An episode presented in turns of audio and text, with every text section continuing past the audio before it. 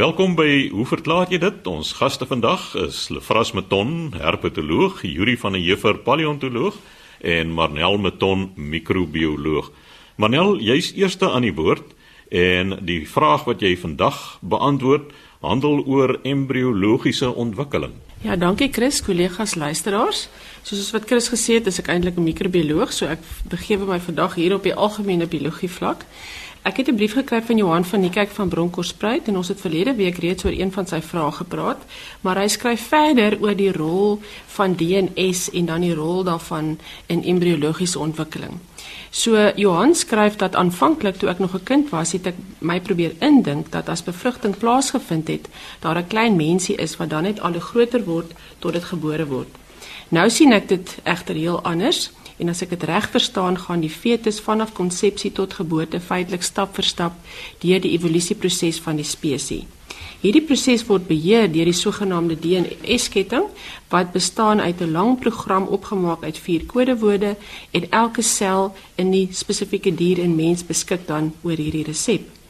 Tot sover maak dit vir my sin, maar nou wil ek weet, hoe weet 'n nuwe sel wat vorm dat dit moet deel uitmaak van 'n spesifieke liggaamsdeel?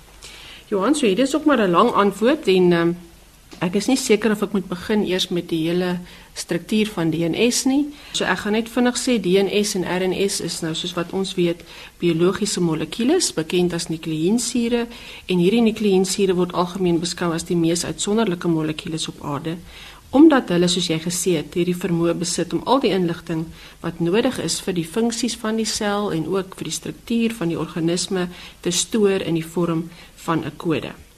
Goed, so wanneer ons dit van nader beskou, dan weet ons dit bestaan natuurlik uit 'n dubbel helix wat mense 'n bietjie herinner aan die struktuur van 'n touleer wat so effens opgewen is en dit het natuurlik subeenhede wat bestaan uit stikstofbasisse en dit is adenien of guanien of thymine en of cytosine en dan die opeenvolging van hierdie stikstofbasisse of nukleotiede gee dan vir ons hierdie kode waarna jy nou verwys.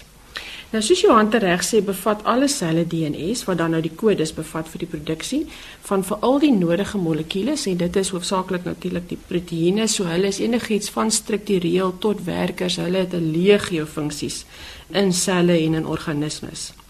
En in die sel word hierdie DNS meestal aangetref in die kern, daar's ook 'n bietjie in die mitokondria van eukariotiese selle en dit word natuurlik gevind op die lineêre kromosome. Nou kromosome weer is lang, dun, draderige strukture in die selkern en staan kollektief bekend as die kromatien binne in die sel. Nou alle liggaamselle in die mens bevat twee kopieë van elke kromosoom in hulle kerne en daarom praat ons van 'n diploïde kromosoomgetal. En dit wissel van spesies tot spesies, maar in die mens is dit 46 kromosome of twee stelle van 23. Die twee kromosome van elke paar is die sogenaamde homoloë kromosome en dit beteken dat hierdie stel dra dieselfde gene in dieselfde volgorde, maar die een is afkomstig van die vaderlike ouer en die ander dan van die moederlike ouer en daar kan dan ook variasies bestaan tussen hierdie twee homoloë kromosome. So Alle seksueel reproduserende organismes produseer ook geslagselle en die staan natuurlik bekend as gamete. In die vroulike diere is dit die eiersel of die ovum en in die manlike diere dis dit die spermselle. Nou gamete is nie diploïd nie, hulle is haploïd. Met ander woorde, hulle bevat net 23 kromosome in die mens natuurlik, oftewel een kopie van elke kromosoom. En ons weet dan nou weer dat hierdie twee gamete moet versmelt om dan 'n sigoot of 'n bevrugte eiersel te vorm wat dan weer beskik oor die diploïde kromosoomgetal.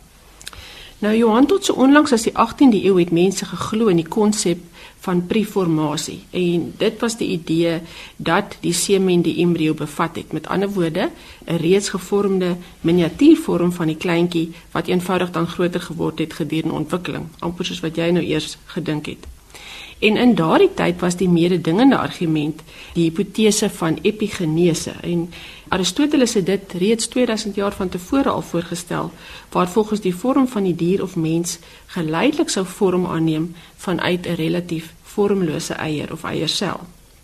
Nou soos wat mikroskope en mikroskopie te ontwikkel het in die 19de eeu, kon bioloë toe wel vasstel dat embrio's inderdaad geleidelik vorm aanneem deur middel van 'n reeks progressiewe stappe.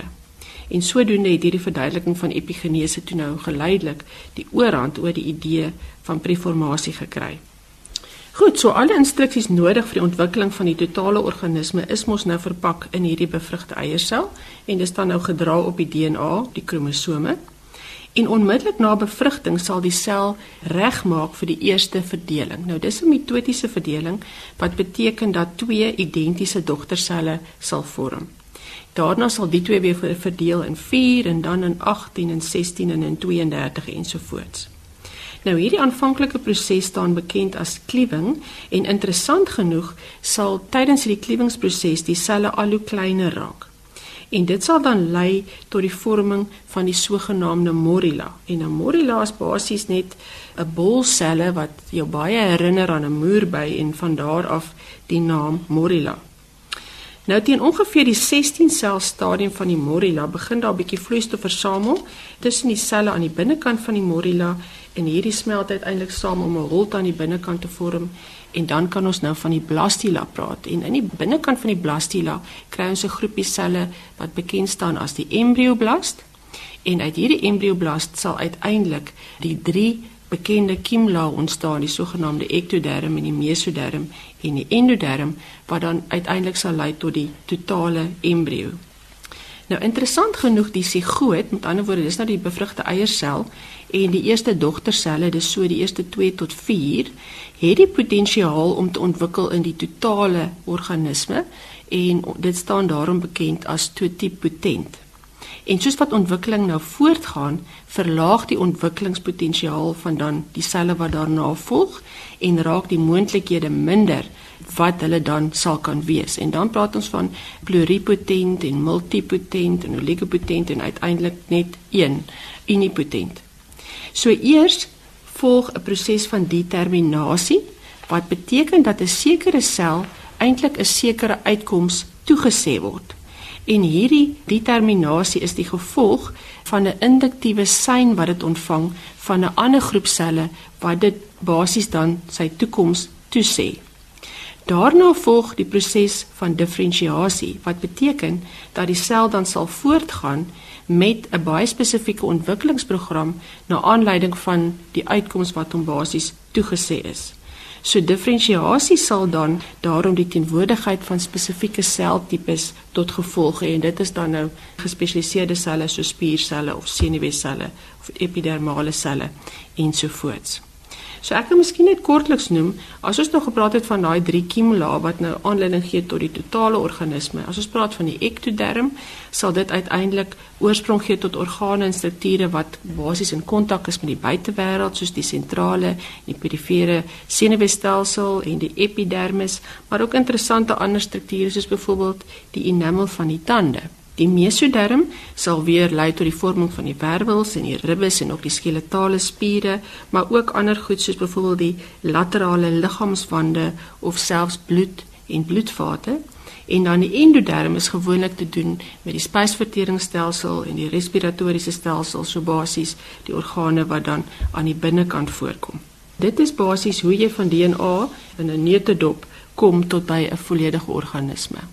Dit was nou 'n baie goeie uiteensetting geweest. As ek net mag, wil ek een kommentaartjie lewer oor wat jou uh, luisteraar gesê het. Ek dink hy het in sy vraag geïmpliseer dat die embrionale ontwikkeling van byvoorbeeld werveldiere herhaal die evolusionêre ontwikkeling wat nie heeltemal waar is nie. Dis 'n ou idee wat deur Ernst Haeckel gepropageer is as sy sogenaamde biogenetiese grondwet wat beteken dat uh, in die ontwikkeling van 'n wêrelddier se embriologie dan gaan hy deur 'n visstadium en dan 'n reptielstadium. En uh, dit is natuurlik nou nie wat gebeur nie dat daar wel oorblyfsels is van daai ontwikkeling. Dit sien 'n mens wel maar ons gaan nie definitief deur daai diersoorte se presiese stadia nie. Juri dit is so maar die biogenetiese grondwet sê dan baie spesifiek 'n verkorte en versnelde herhaling van die geskiedenis. En met verkort bedoel ons dat daar sekere stappe uitgelaat. volg jy wat ek sê, dit is nie die hele geskiedenis nie. Ja. Soos daar is by die werveldier of by die mens embrio byvoorbeeld landwerveldiere is daar splete, kiefsplete op 'n stadium. Daar is 'n postanale stert op 'n stadium. So dit dui dan op die geskiedenis. Ja, dit dui beslis op die geskiedenis, maar nou ek sal nie sê daar is kiefsplete nie. Daar is pharyngeale splete wat by visse kiefsplete word en by mense groei dit toe. So jy's heeltemal reg in daai sin. Dis net een puntjie wat 'n mens moet opklaar. Ons gaan nie spesifiek deur 'n vis en dan 'n reptiel en dan 'n amfibieër stadium nie, maar jy's dit is reg. Ons stem saam daaroor. Ja, dit was dan Marnel Meton, ons microbioloog wat verduidelik het wat die rol van DNS in embriologiese ontwikkeling is en volgende aan die beurt Yuri van der Heever, paleontoloog. Yuri, hierdie is nou nie eintlik 'n uh, paleontologiese vraag nie, maar synde nou 'n uh, man wat gereeld met hout werk, wil 'n luisteraar van jou weet watter reaksie vind plaas om houtlijm te laat droog word. Chris Mans sonder adres skryf Houtlijm kan redelik lank gebeere word as die houer geseël is of verseël is. Dis is dit lig en lugdig. As 'n druppel lijm buite die houer gelaat word, word dit hard want dit is aan lig en lug blootgestel. Wanneer twee sulke hout aan mekaar gelijm en vasgeklamp word, vorm dit binne 'n paar ure baie sterk las. Dit is 'n dun laagie lijm tussen die stukke hout wat nie aan lig en lug blootgestel word nie. Wat 'n reaksie vind plaas wat veroorsaak dat die dun laagie lijm tussen planke droog word en 'n sterk las vorm. Chris het nou 'n baie interessante saak aangehaal want die kwessie van lijm is kompleks en jy moet werd om uh, 'n bietjie na te kyk. Nou ek neem aan wanneer jy praat van houtlijm, dan praat jy van hierdie gewone wit lijm wat ons almal gebruik in ons houtwerk en draaiwerk. Maar daar is ook 'n geel weergawe daarvan wat gewoonlik bewaar word as die professionele weergawe van die doen dit self lyme. En inderdaad, die voordeel daarvan is dat dit soos jy sê 'n baie dun laagie vorm tussen die twee dele of meer dele wat jy aan mekaar lym. Dit is feitelik onsigbaar in die finale produk. En dit word baie gebruik byvoorbeeld deur houtdraaiers wat gesegmenteerde draaiwerk doen. Daar is 'n sekere groep van hierdie halfmallerige mense wat byvoorbeeld houtbakke en goed draai en vooraf al die hout in fyn klein blokkies opsaag reghoekies, vierkantjies, kubusse of driehoekies en dan verskillende gekleurde houte gebruik om sulke geometriese patrone te maak en dit word lank voor die tyd gedoen en dan word hierdie goed aan mekaar gelym. Nou omdat jy met klein stukkies hout werk, wil jy eintlik 'n uh, onsigbare naad hê en dan word hierdie geel professionele lym gebruik en dit het die voordeel dat as jy die stukkies hout aan mekaar druk, dan sit dit klaar vas en dan kan jy dit nou klamp en baie baie sterk aan mekaar klamp wat dan 'n geweldige goeie las vorm. Die probleem met hierdie soort draaiwerk is die hout wat jy gebruik moet baie stabiel wees want party houtsoorte vervorm maklik. Olienhout byvoorbeeld as jy 'n bak gedraai het daarvan binnekort kan jy sien dat waar die kwassies en die goedjies is kan die hout beweeg want dit verloor van die van die olie. En dit wil jy nie hê met hierdie klein gesegmenteerde geplakte houtjies vir daai so draaiwerk nie. So geellym is baie goed daarvoor, maar jou stelling dat as jy die houtlym toemaak, is dit lig en lugdig. Nou normaalweg met al hierdie lyme speel lig nie 'n rol nie alhoewel daar 'n sekere reeks lyme is wat in ek dink in die 1960s baie baie ontwikkel is en geweldig baie in die industrie nou gebruik word is die sogenaamde UV ultraviolet lyme wat geaktiveer word deur ultraviolet strale want dit is 'n baie ekonomiese manier om in groot instansies en ook in kleiner gevalle 'n lym te gebruik want jy werk hier met 'n fotochemiese reaksie. So dit is eintlik lig wat dan 'n rol speel. Ek weet ook maar min daarvan, maar wat dit beteken is dat in die lym self is daar fotoinitieerders wat bekend staan as vrye radikale. Nou, 'n vrye radikaal is wanneer 'n stabiele atoom of liewer 'n stabiele molekuule dissosieer en in meer as een komponent. So as ons nou dink aan suurstof O2, dis 'n baie stabiele molekuule en as dit dissosieer dan kry jy twee suurstofatome. En omdat die suurstofmolekuule tussen die twee atome elektrone deel, is dit baie stabiel en wanneer hulle nou gedissosieer is, dan raak hulle onstabiel en dan staan dit bekend as 'n vrye radikaal. Die soort situasie bestaan kortstondig. En wat die ultraviolet lig nou doen is as jy so 'n bietjie van die lym aangewend het en jy bestraal hom met die regte golflengte ultraviolet lig, dan stel dit vrye radikale in die lym vry wat dan help om die lym hard te maak, feitelik onmiddellik en dan is die vrye radikale ook daarmee heen. Die voordeel hier is jy hoef geen druk te gebruik nie. Daar's geen temperatuurverandering nie. Suurstof affekteer dit op geen manier nie en dit vind baie vinnig plaas. So dit vind toepassing in die industrie, in die mediese wêreld, in tandheelkunde, oral. En dis 'n dis 'n baie opwindende gebruik van hierdie ultraviolet lyme, maar dit is nou nie waaroor jy gevra het nie. Die ander ding wat 'n mens iets oor moet sê is die polyuretaan lym. Die word hard deur water te onttrek uit die omgewing uit. Nou hout Alle hout bevat water. As hout nou droog is volgens ons standaarde, dan praat 'n mens van hout met 'n waterinhoud van rondom 8 of 9%. En hierdie polyuretaanlym wat 'n mens kan gebruik, die bind met die hout, dit onttrek water uit die hout. Die water help die lym om vinniger droog te word en as jy dit nog wil versnel, dan kan jy dit sproei met water. So hier's nou 'n lym wat water nodig het om hard te word. In die verlede is daar dierelyme gebruik of uh, lyme wat gemaak is uit die velle van diere wat hulle die kollageen gebruik het. En dit was 'n uh, baie goeie lym veral in uh, meubelmaak en musiekinstrumente het hierdie soort lym gebruik vir baie lank tyd en ons vandag nog mense alhoewel dit nie algemeen gebruik word nie is daar vandag nog mense wat dit verkies vir musiekinstrumente en vir meubels. Ander soort lym wat mense ook kry is die sogenaamde epoksielyme wat jy die twee buisies kry, dan meng jy dit en dit is 'n chemiese reaksie wat dit dan laat hard word, gewoonlik so oor 24 uur. Een van die nuwer lyme wat ons graag gebruik in die houtdraaiwerk is cyanoacrylaat, die sogenaamde superlym wat mense in verskillende diktes kan kry en uh, dit werk fantasties want dit word baie vinnig droog. Dis baie sterk. Jy kry ook een wat 'n bietjie minder bros is wat die juweliers graag gebruik. En die mense wat modelle bou uit balsahout verkies hierdie soort lym want die las wat jy maak met cyanoacrylaat is sterker as die hout.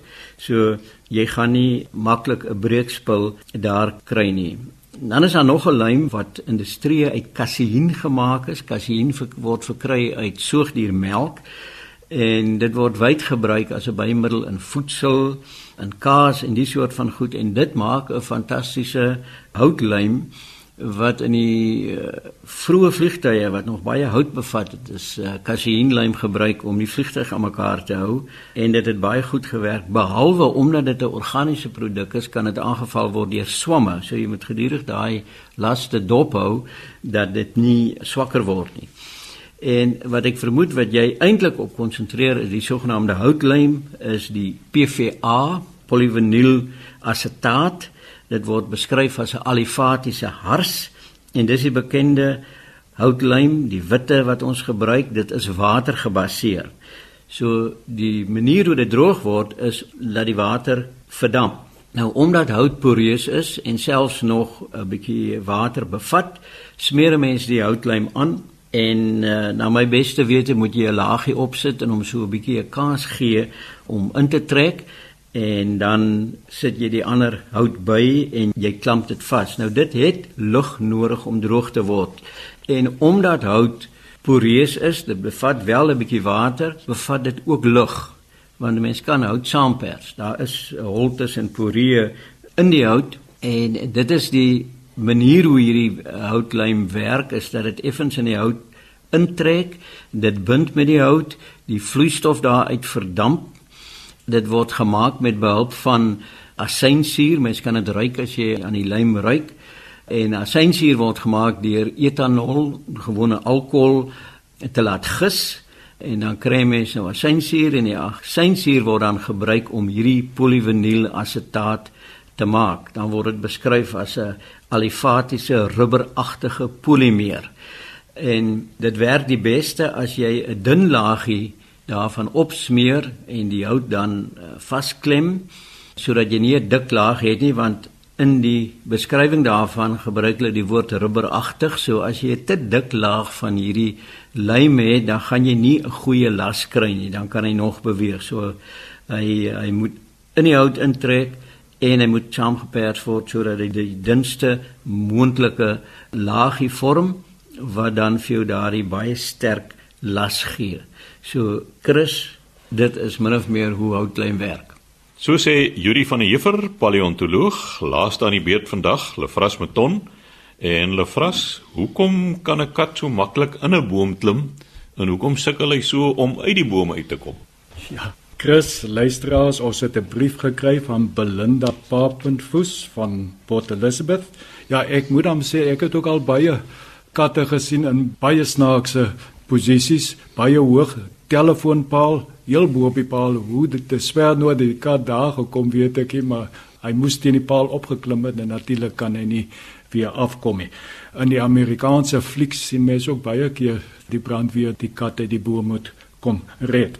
Daar so 41 kat spesies wat lewe vandag en snaaks genoeg omtrent 3 kwart van hulle is baie bedrewe klimmers ons moet dan nou dadelik sê 'n kat het mos nou die meeste van hulle naels wat kan uitstulp en daardie naels is nie daar om boom te klim nie. Die naels is om prooi te vang. So hulle mos 'n kort agtervolging en dan spring hulle en die naels help om die prooi te beheer. En natuurlik mens kan jou dadelik indink dat die naels is ook handig is om uit te klim teen 'n boom maar met die afkomslag kyk alle diere wat inklim as hulle afkom dan moet hulle mos nou kop eers af kom. As 'n kat kon agteruit, wat is die Afrikaans vir reverse, 'n trierad gaan, dan sou hy seker agter agteruit reverse, dan sal hy seker nou kan afkom, maar die meeste diere moet kop eers te gaan en dit is nou werk die naals natuurlik glad nie.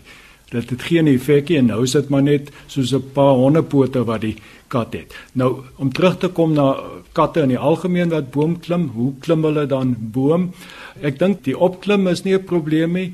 Die afkom is dit meer 'n springaksie van tak tot tak en met spoed as jy redelik vinnig teen 'n stam kan afgaan, dan kan jy dit seker gedoen kry. Ek dink waarskynlik die grootste ding is dat hierdie diere of katte wat wel baie tyd in bome spandeer, hulle het ondervinding, hulle weet wat om te doen. Oor tyd leer hulle aan ek moet so en so maak. En dit is wat 'n huiskat is, ook nou al so ingeteel en hulle het gewoonlik geen ondervinding van boomklim en dan klim hulle te hoog en dan weet hulle nou nie wie hoe om af te kom nie. So ja, dit is 'n kat is nie gebou vir ernstig boomklim nie.